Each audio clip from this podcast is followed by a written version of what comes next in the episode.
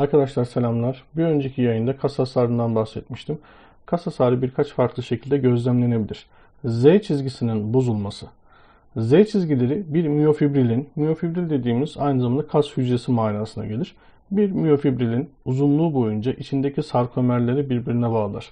İki Z çizgisi arasında kalan bölgeye sarkomer adı verilir. Sarkomer kas kasılmasında kısalma ve uzamanın gerçekleştiği bölümdür. Bunu zaten Google'dan sarkomer, miyofibril diye aradığınızda şeklini çok rahat görebileceksiniz.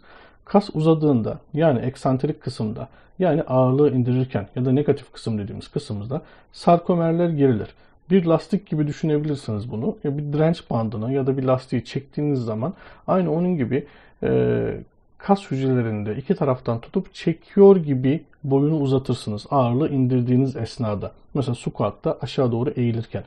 Bu durumda yani bir ağırlık altında kası uzatmaya çalıştığınızda Z çizgisinde mikro hasarlar, mikro yırtıklar meydana gelir.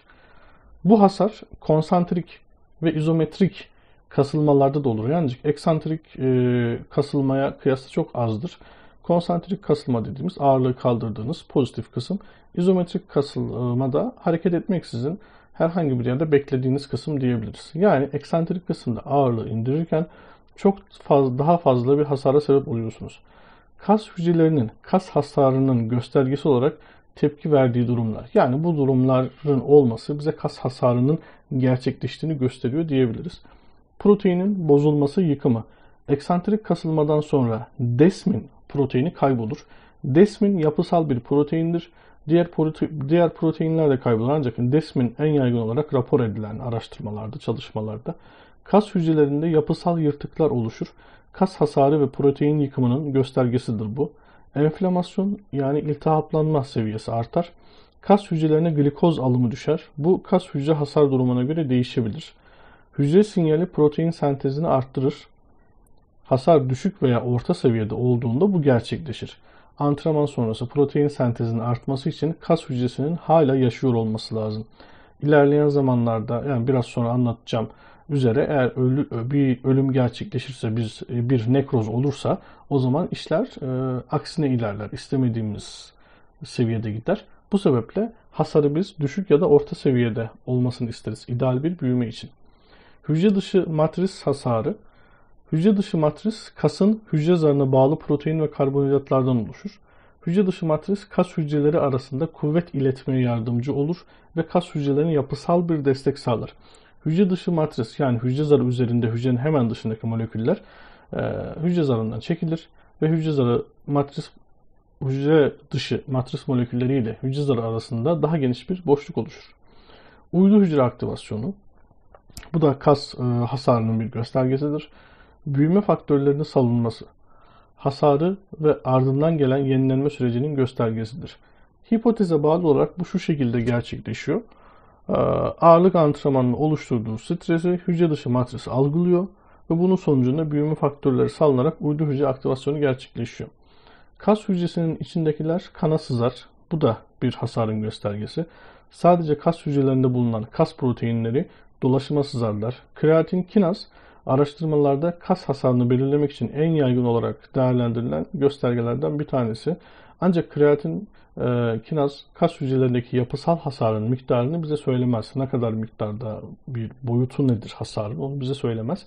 Kreatin kinaz reaksiyonda kullanılan bir enzimdir. Hangi reaksiyon diyecek olursanız kaslarda biliyorsunuz kreatin nasıl depolanıyor? Fosfat haline. Fosfatla bir bileşik kreatin fosfat olarak kaslarda depolanıyor. Ben yüksek yoğunluklu bir antrenman yapacağım zaman e, ne yapıyorum? Kreatini, kreatin fosfattan enerji çıkarmam lazım. Ortamda ADP'ler var. Yani iki e, adenozin difosfat dediğimiz iki fosfatlı. Bunlar bir işe yaramıyor. Buna bir tane fosfat bağlanması lazım. İşte kreatin fosfat ADP ile ADP'ye bir fosfatını bağışlıyor. ATP oluşuyor ve ortamda kreatin birikiyor. İşte burada kullanılan enzim kreatin kinaz. Şunu da ek bilgi olarak söyleyeyim. Mesela tahlile falan gittiğiniz zaman bazen kreatin kinaz yüksek çıkarsa hemen doktorlar hemen şey yapacaksın sporu kes supplement kullanıyorsan kes vesaire diyebilir ama bu çok mantıklı ve doğal bir şey. Çünkü siz bir hasar oluşturmuşsunuz. Kreatin kinaz enzimi yükselmiş ve dolayısıyla tahlilde yüksek çıkacak. O yüzden bir kan tahlili yaptıracaksanız ve CK işte kreatin kinaza baktıracaksanız en az 2-3 gün öncesinden sporu falan kesin. E, çünkü aksi halde yüksek çıkacak ve doktorla ailenize papaz olma durumunuz bile var. Hatta şunu söyleyeyim. e, yani çok hasar verildiyse 3 gün önceki antrenman bile e, yüksek çıkartabilir. Kuvvet kaybı. İşte bana göre e, kas hasarının en önemli göstergesi bu. Kuvvet kaybı, altın gösterge diyeceğimiz. Yani e, işte kreatin kinaz seviyesidir, yorgunluk, e, hücre şişmesi vesaire kas hasarıyla doğrudan ilişkili olmayabilir. Yani tek başına bunlar kas hasarını kesin oluştuğuna kanaat vermez. Ama kuvvet kaybı verir. Kuvvet kaybı nedir? Yani eğer ben e, ağırlığım düşüyorsa ya da aynı ağırlıkla kullan çıkarabileceğim tekrar düşüyorsa işte kas hasarı var demektir. Doku nekrozu. Yani kas liflerinin, hücrelerinin ölmesi. Bu e, verilen hasara göre olabilecek bir durum. Yani her zaman olmaz. Zaten genelde doku nekrozu yaşanmaz ama yine de bir ihtimaldir.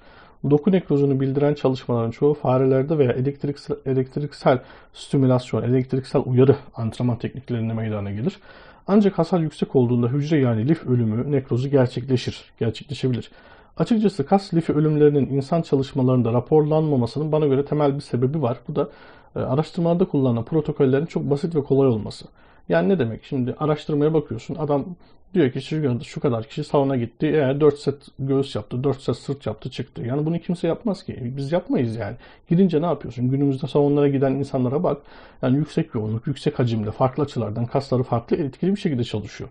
E haliyle şimdi oradaki çalışma çok daha farklı bir sonuçma, sonuç doğurabilir. Bu sebeple çalışmalarda ortaya çıkmasa bile ben baskın bir şekilde spor salonlarında lif, hücre e, nekrozu yaşandığını düşünüyorum. Fibrozis yani e, skar doku oluşumu yani yara izleri diyelim dokularda iyileşme sürecinin eksik kalması.